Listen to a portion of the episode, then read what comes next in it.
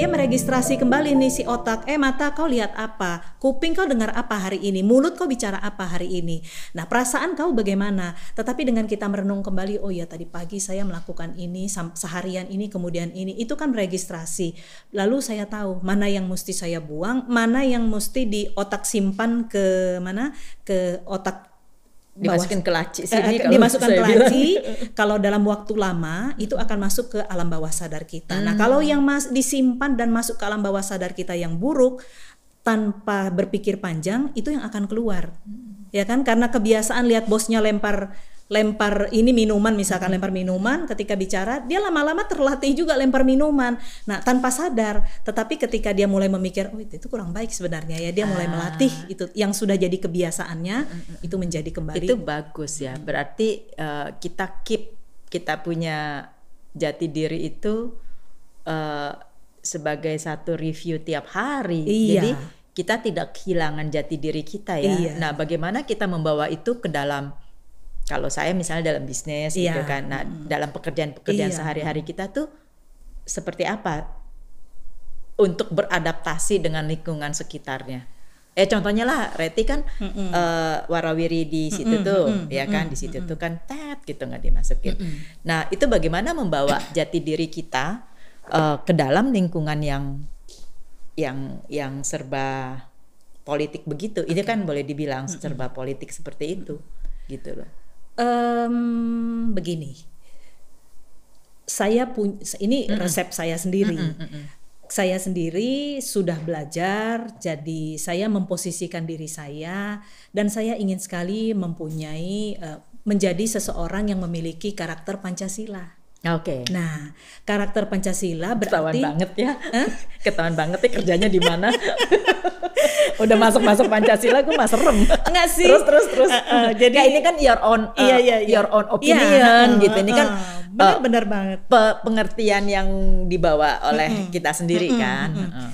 Okay. Nah, terus terus uh, kenapa saya mengatakan saya sangat ingin sekali memiliki karakter yang mendasar berdasar pada Pancasila. Pertama, uh, bukan sekedar tiba-tiba saja saya mengenal Pancasila. Kita semua dari SD sudah mengenal Pancasila. Tetapi ketika saya di SD dan SMP, ayah saya itu seorang pengajar BP7. Oh, ya. Oke. Okay. Jadi setiap hari, setiap berkumpul dengan dia, khususnya di meja makan, dia selalu bicara Pancasila. Mm -mm. Karena dia kan penatar, mm -mm. penatar di Balikpapan. Jadi saya selalu selalu mendengarkan oh ini jadi setiap kali ada masalah apa ujungnya tuh ke Pancasila mm -mm. terus saya pikir ini hebat sekali ya bapak saya ini sekolahnya jadi kalau ada masalah di sekolah masalah di kantor atau masalah kami anak-anak saja dia menyelesaikannya dengan nilai-nilai Pancasila berarti saya itu seperti apa nilai-nilai maksudnya ini kan eh, kondisi di rumah gitu ya -hmm. kok bisa menyelesaikannya ya. dengan nilai-nilai Pancasila apa hubungannya dengan kehidupan keluarga dan hmm nilai-nilai Pancasila tersebut itu ya. Kan biasa kalau kita mikir, sorry ya, uh, uh, mikir kan Pancasila itu kan lah negara, bangsa uh, uh, gitu. Terus uh, apa relatednya ke ke ke rumah misalnya? Ke rumah, gitu. uh. Pancasila itu kan lima dasar. Uh -uh. Pancasila itu tidak tiba-tiba juga lahir. Dia dirumuskan tapi sebelum dirumuskan digali hmm. dulu. Hmm. Digali dari mana? Digali dari kehidupan nenek moyang kita. Zaman Sriwijaya, zaman Majapahit, itu digali dulu. Oh, di zaman Sriwijaya bagaimana? Oh, seperti ini. Nilai-nilai itu diwariskan. Diwariskan dari nenek moyang kita yang dulu ke nenek moy ke keturunan berikutnya, generasi berikutnya. Diwariskan lagi dalam bentuk keteladanan kan, diwariskan, diwariskan, diwariskan mm -mm. sampai akhirnya di tahun 45 Nah, begitu. Jadi kemerdekaan nih. di tahun kita 45 jadi ngomong kemerdekaan ya. Antara terus. antara 40 sampai 45 itu dipikirkan dan lain sebagainya. Itu kita, setiap kita sebenarnya sudah membawa karakter itu tadi, mm -mm. ya, jati diri dan ditambah dari nenek moyang nilai-nilai itu sudah dibawa. Nah, oleh uh, Presiden Soekarno itu digali dan dirumuskan.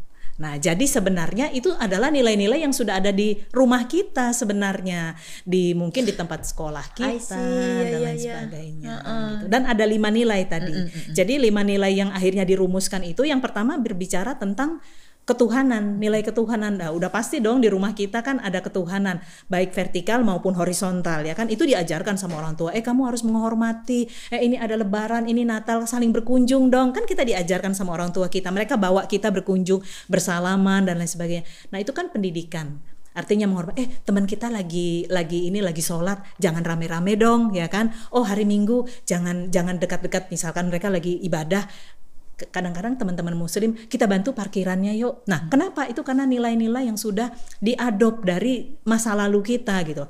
Nah, itu uh, ketuhanan. Belum lagi kita berbicara nilai yang kedua. Nilai yang kedua kemanusiaan. Kemanusiaan. Udah pasti dong, kita udah pasti Kayaknya dites juga nih Terus nah, kemanusiaan kan kita nggak mau ya kita udah tahu kita nggak usah ada teman kita yang menderita. Sekolah hmm. udah mengajarkan loh. Hmm. Eh uh, ada teman kita yang kebakaran rumahnya kita nyumbang yuk apa yang kamu bisa. Hmm. ini kan memahami. Dari yang uh, skop kecil dulu yang hmm. tingkat sekolah gitu ya. Nah nanti kalau sudah yang besar organisasi misalkan eh ada bencana yuk mari sama-sama kita uh, kumpulkan dana untuk kita berikan kepada kita. Nah itu dari mana? Dari waktu pelajaran waktu kita masih kecil. Persatuan kan sudah pasti orang tua kita juga mengajarkan di dalam rumah tangga. Jadi memang nilai-nilai itu sudah diajarkan di dalam rumah kita. Hmm. Hanya kemudian ketika kita di sekolah kita baru tahu oh itu sama dengan yang diajarkan di rumah. Oh itu yang maksudnya Pancasila ya kan? Kemudian musyawarah, musyawarah hmm. mufakat itu juga kita belajar. Kompromi itu ya. Iya, jadi kompromi kan. Begitu bisnis deal juga Nah, itu. itu kan kompromi juga. Nah, dan tidak boleh mayoritas mendominasi yang minoritas. Misalkan nih, kami yang ada di sini mengatakan A, lalu Lucy bilang enggak B. Oh Lucy, kamu cuma sendiri yang bilang B. Kami di sini semua bilang A, maka ya kamu harus ngikut kami. Ka ikut kami tidak bisa juga karena belum tentu Lucy salah, belum hmm. tentu kami benar. Maka perlu ada kompromi. Nah, itulah yang dikatakan jangan sampai mayoritas mendominasi minoritas karena minoritas punya suara yang juga bisa dipertanggung uh, yang bisa di, dipertanggungjawabkan kita pahami juga oh oke okay, Lucy ternyata bagian sisi yang itu kami bisa pakai. Oke okay, ya kan? Jadi kami mau pakai kamu punya yang ini kamu bisa nggak pakai kami punya yang ini? Oh bisa. Nah ini demokrasi yang seperti ini yang seharusnya ada itu kan di OSIS diajar. Kalau kita bicara konteks anak-anak SMP, SMA, OSIS ada. Terus, Terus kemudian pramuka juga ada. Pramuka yeah. itu kan juga untuk melatih kita di sini. Eh kita mau melewati ini gimana? Ya kan mereka ada ada apa namanya tantangan-tantangan. Mm-hmm. Nah kan mereka bersama dalam satu kelompok kan di, di pramuka diajarkan berkelompok. Ini mengajarkan nilai-nilai Pancasila juga di mana mereka saling berdiskusi satu sama lain tidak serta merta ke, ke, pimpinan mengatakan eh ketua mengatakan oh kalian harus lewati jalan ini nggak bisa jadi hmm. harus diskusi bersama hmm. yang terakhir itu keadilan hmm. udah pasti itu juga diajarkan di rumah bahwa kita harus lakukan adil sayang kepada yang kecil hormat kepada yang tua berti, uh, melakukan keadilan berbagi satu sama lain nah hmm. jadi sebenarnya di rumah kami sendiri waktu itu ya itu otomatis ketika adik saya mengatakan pak aku ada masalah di sekolah mm -hmm. cuma bilang masalahnya apa begini begini begini dia jelaskan ah kamu tahu di dalam sila yang kedua itu kemanusiaan. Kamu harus memahami bahwa kamu harus melihat teman kamu. Ternyata teman kamu orang yang tidak mampu sehingga dia berusaha mengambil barang orang lain. Karena dia pikir dengan mengambil itu itu akan menyelesaikan permasalahan dia. Hmm. pahamilah teman kamu yang mengambil barang itu. Jadi dari hal-hal yang sederhana seperti itu akhirnya saya belajar. Oh ya benar juga ya. Ternyata uh, itu itu tiap hari tiap hari yang ayah saya sampaikan hampir setiap hari. Jadi saya belajar dari situ ya ketika saya kemudian mengenal nilai-nilai Pancasila uh, apa yang harus di di apa namanya dikembangkan di masyarakat sudah tidak kaget dan saya yakin di keluarga Lucy di keluarga yang lain mm -hmm. itu pasti juga sebenarnya sudah memiliki. Mm -hmm. Nah, jadi itulah yang saya inginkan bahwa saya memiliki karakter itu bertumbuh kembang di dalam perilaku saya karena saya yakin saya sendiri belum sempurna dan mm -hmm. saya ingin itu ditularkan juga kepada anak-anak sehingga nanti kalau setiap anak kita bertumbuh dewasa, mereka membawa karakter itu, nuraninya terbawa di situ, dia akan bekerja dengan uh, dengan benar. Jadi sebenarnya kalau itu menjadi ya karena Pancasila berarti kan ya. uh, bangsa negara, ya. jadi mm -mm. menjadi jati diri bangsa iya. kita berarti iya. kan, mm -mm. yang mana ternyata itu datangnya dari tempat yang paling dekat sangat Iya. dekat dengan kita yaitu Iya. keluarga. Iya. Ini hebat juga kita ya. Aduh baru belajar baru tahu. Ya Jadi itu tadi. Jadi orang bisa lihat, oh bangsa Indonesia itu adalah bangsa yang ramah. Kenapa ya? Karena memang kita diajarkan orang tua kita jangan lupa senyum, senyum. Kita selalu senyum. Jangan cepat berpikir yang buruk tentang orang lain. nggak boleh seuzon ya kan. Jadi kita eh, selalu ingat, oh ya kita bangsa yang ramah ya. Walaupun dalam tanda petik saya ada juga titik yang saya tidak setuju. Tetapi eh, kali ini kita belajar bahwa kita diajarkan untuk ramah, untuk santun bicara kepada orang. Sehingga orang dari luar yang mungkin sudah terbiasa ngomongnya ceplas-ceplos, begitu dengar kita yang sama ramah, akhirnya dia bilang, "Oh iya ya, bangsa Indonesia bangsa yang ramah, smiling, suka tersenyum gitu ya." Jadi mau tidak mau kita sebagai bangsa orang Indonesia Iya. itu kalau kita ke mana-mana jalan di mana-mana mereka tidak hanya melihat jati diri kita sendiri Iya. secara pribadi, Iya. tetapi seorang Reti itu kalau lagi berjalan di luar sana, Iya. misalnya di Eropa atau di sana tuh dilihat juga sebagai eh, orang Indonesia. Orang Indonesia. Jadi Reti adalah orang Indonesia, berarti jati dirinya itu sudah bercampur Iya. menjadi satu antara jati diri sendiri dan jati diri bangsa. Iya. Bangsa Indonesia Bangsa tadi. Indonesianya Iya. gitu kan? Mm-mm. Kan sering ditanyain, "Lu dari mana sih aslinya?" Kalau di luar ya, "Lu dari mana?" "Eh, saya orang Indonesia. Oh, pantesan lu orang Indonesia. Ketahuan dia dari gayanya gitu. Ya kan begitu. Nah, itu berarti kita representatif dari Indonesia. Beca- berarti secara pribadi-pribadi kita walaupun kita keluar untuk holiday, Iya. ya kan? Maksudnya untuk eh, ya santai-santai gitu. Berarti kita juga eh, membawa nama besar negara kita Iya, ya. kalau kita lagi Ngeri berada di juga. luar ya. Nggak sadar loh. Iya, Nah, kita lihat para atlet kita ya kan, para atlet kita dengan sangat kalau atlet itu kan kita sudah ya Oh, udah oke, tahu lah iya, iya. atas nama. Ha-ha. Tapi kita sebagai pribadi-pribadi kecil nih Iya. yang eh, nggak sadar bahwa Iya. ke mana pun kita berada sebagai bangsa Iya. Indonesia yang namanya warga negara dan punya paspor Iya. apa Iya. Indonesia itu Ha-ha. sebenarnya ke mana pun kita berada tidak bisa dipisahkan antara kit, jati dirinya kita diri sendiri di satu eh, pihak Iya. dan di pihak lainnya Jati diri bangsa jadi kita. bangsa kita. Jadi kayak satu koin gitu ya Iya. berharganya. Iya. Ngeri juga ya. Jadi tidak terpisahkan, tidak akan terpisahkan karena eh, sebenarnya jati diri bangsa atau karakter Pancasila tadi itulah yang menjadi kerangka dasar kita dalam berpikir, bertindak, bersikap. Jadi orang akan melihat, oh iya, rata-rata orang Indonesia ngomongnya seperti itu. Ya kan seperti seperti itu. Oh, rata-rata orang Indonesia bicaranya seperti itu, sikapnya seperti itu. Eh, Bu Lucy pasti juga bisa tahu ya. eh, oh, itu jelas kelihatan orang Amerika. Oh, kalau yang itu modelnya orang Perancis, saya udah tahu. Ya, itu kenapa? Karena kita belajar ya, mereka melihat. Nah, kita juga dilihat oleh orang.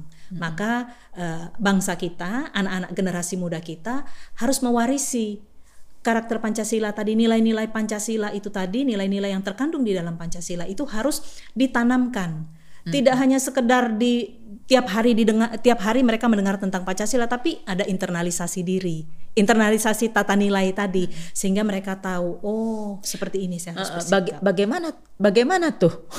Karena saya pikirannya udah melalang buana. Ini kan zaman-zamannya digital yang mana kalau dulu kita mungkin agak mudah ya karena orang tua masuk orang tua kemudian nggak ada namanya gadget, nggak ada namanya digital yang bisa gampang klik satu jari, satu jempol langsung tuh semua eh, apa ya boleh dibilang ke budaya-budaya di luar sana yang kita nggak yang unlimited kan itu masuk ke kita. Karena itu kan kembali lagi yang tadi awal dibilang bahwa itu masuk adaptasi ke kita kan. Nah bagaimana kita tetap menaruh menaruh menaruh eh, apa nilai-nilai tersebut jati diri kita jati diri bangsa kalau kita bilang sama nih ya. Eh, di dalam eh, apa sih anak-anak sekarang Iya. milenial gitu kan bagaimana kita tetap tetap ada. ada dan eh, paling mereka nggak interested kali ya Ah, ngapain ngomong sila satu sila dua? gitu. Intinya kan gitu kan. Eh, karena yang dilihat adalah pancasilanya. Ah, eh, gimana tuh me, me- apa sih nggak tahu menyikapi Iya. tahu me Eh, jadi memang benar kalau suruh ngomong Pancasila satu dua ndak hafal. Eh, saya mau cerita sedikit ya. Jadi ini ada kisah ini kisah lucu dulu. Ada satu orang sebenarnya yang cukup eh, sekolahnya sudah cukup tinggi disuruh baca Pancasila. Ini grogi nih si anak ini, anak dewasa. Jadi dia maju. Kok baca Pancasila? Udah hafal, hafal. Majulah dia. Satu, Pancasila.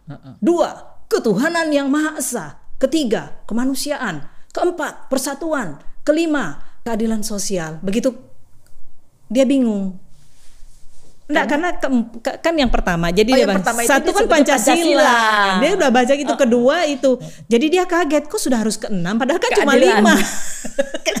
jadi dia kaget. Dia ulangi lagi. Saya ulangi lagi Pak. Ya Panca satu Pancasila. Dua ketuhanan yang maha esa. Tiga kemanusiaan. Empat persatuan. Enam lagi. Eh, baru kerakyatan dia bingung lagi. Baru dia sadar bahwa pancasila tidak disebutkan. Nah itulah yang terjadi di dalam saking semangatnya. Tapi artinya apa? Dia tidak hafal tidak bisa membunyikannya. Nah itu memang menjadi tugas dan tanggung jawab kita. Nah jadi kembali lagi ke pertanyaan tadi bahwa eh, ini menjadi tanggung jawab kita. Tanggung jawab siapa? Tanggung jawab di dunia pendidikan pendidikan ini sendiri tidak ter- tidak hanya pada pendidikan formal kalau pendidikan formal dari jam 8 sampai jam 2 itu guru-guru, tugasnya guru-guru memberikan pendidikan tentang Pancasila dan men- memberikan memberi contoh keteladanan itu di sekolah. Tetapi setelah itu ada pendidikan informal, ada pendidikan non formal. Ketika dia berada di ruang les, ketika dia ada berada di ruang les musik, ketika dia berkumpul dengan temannya dalam OSIS, dalam pramuka dan lain sebagainya, itu pendidikan non formal ya nah ini tanggung jawabnya siapa? Ya guru lesnya tadi untuk memberikan keteladanan. Mungkin keteladanan tidak perlu dibilang kamu harus begini enggak. Tapi ketika gurunya memberi contoh dengan lemah lembut dengan penuh perhatian kepada semua murid semua murid kursus itu itu menjadi dia belajar caranya seperti itu. Kemudian juga tanggung jawab bagi seorang tokoh adat, tokoh agama. Informal tadi, tokoh adat, tokoh agama. Ketika sekolah minggu, Uh-uh. guru sekolah minggu harus bicara yang benar. Ketika pengajian, guru pengajian harus memberikan contoh yang baik. Dalam eh, s- tokoh adat, tokoh agama, tokoh adat waktu bicara nggak bisa dia bicara seenaknya saja, sesuka-suka dia. Ada anak-anak yang melihat. Nah ini tung- tanggung jawab mereka juga. Tanggung jawab pendidikan, dunia formal, non formal, informal. Jadi termasuk kita. Ketika kita bertemu dengan ponakan-ponakan, kita bertemu dengan keluarga kita yang masih di generasi muda, selalu melakukan keteladanan kepada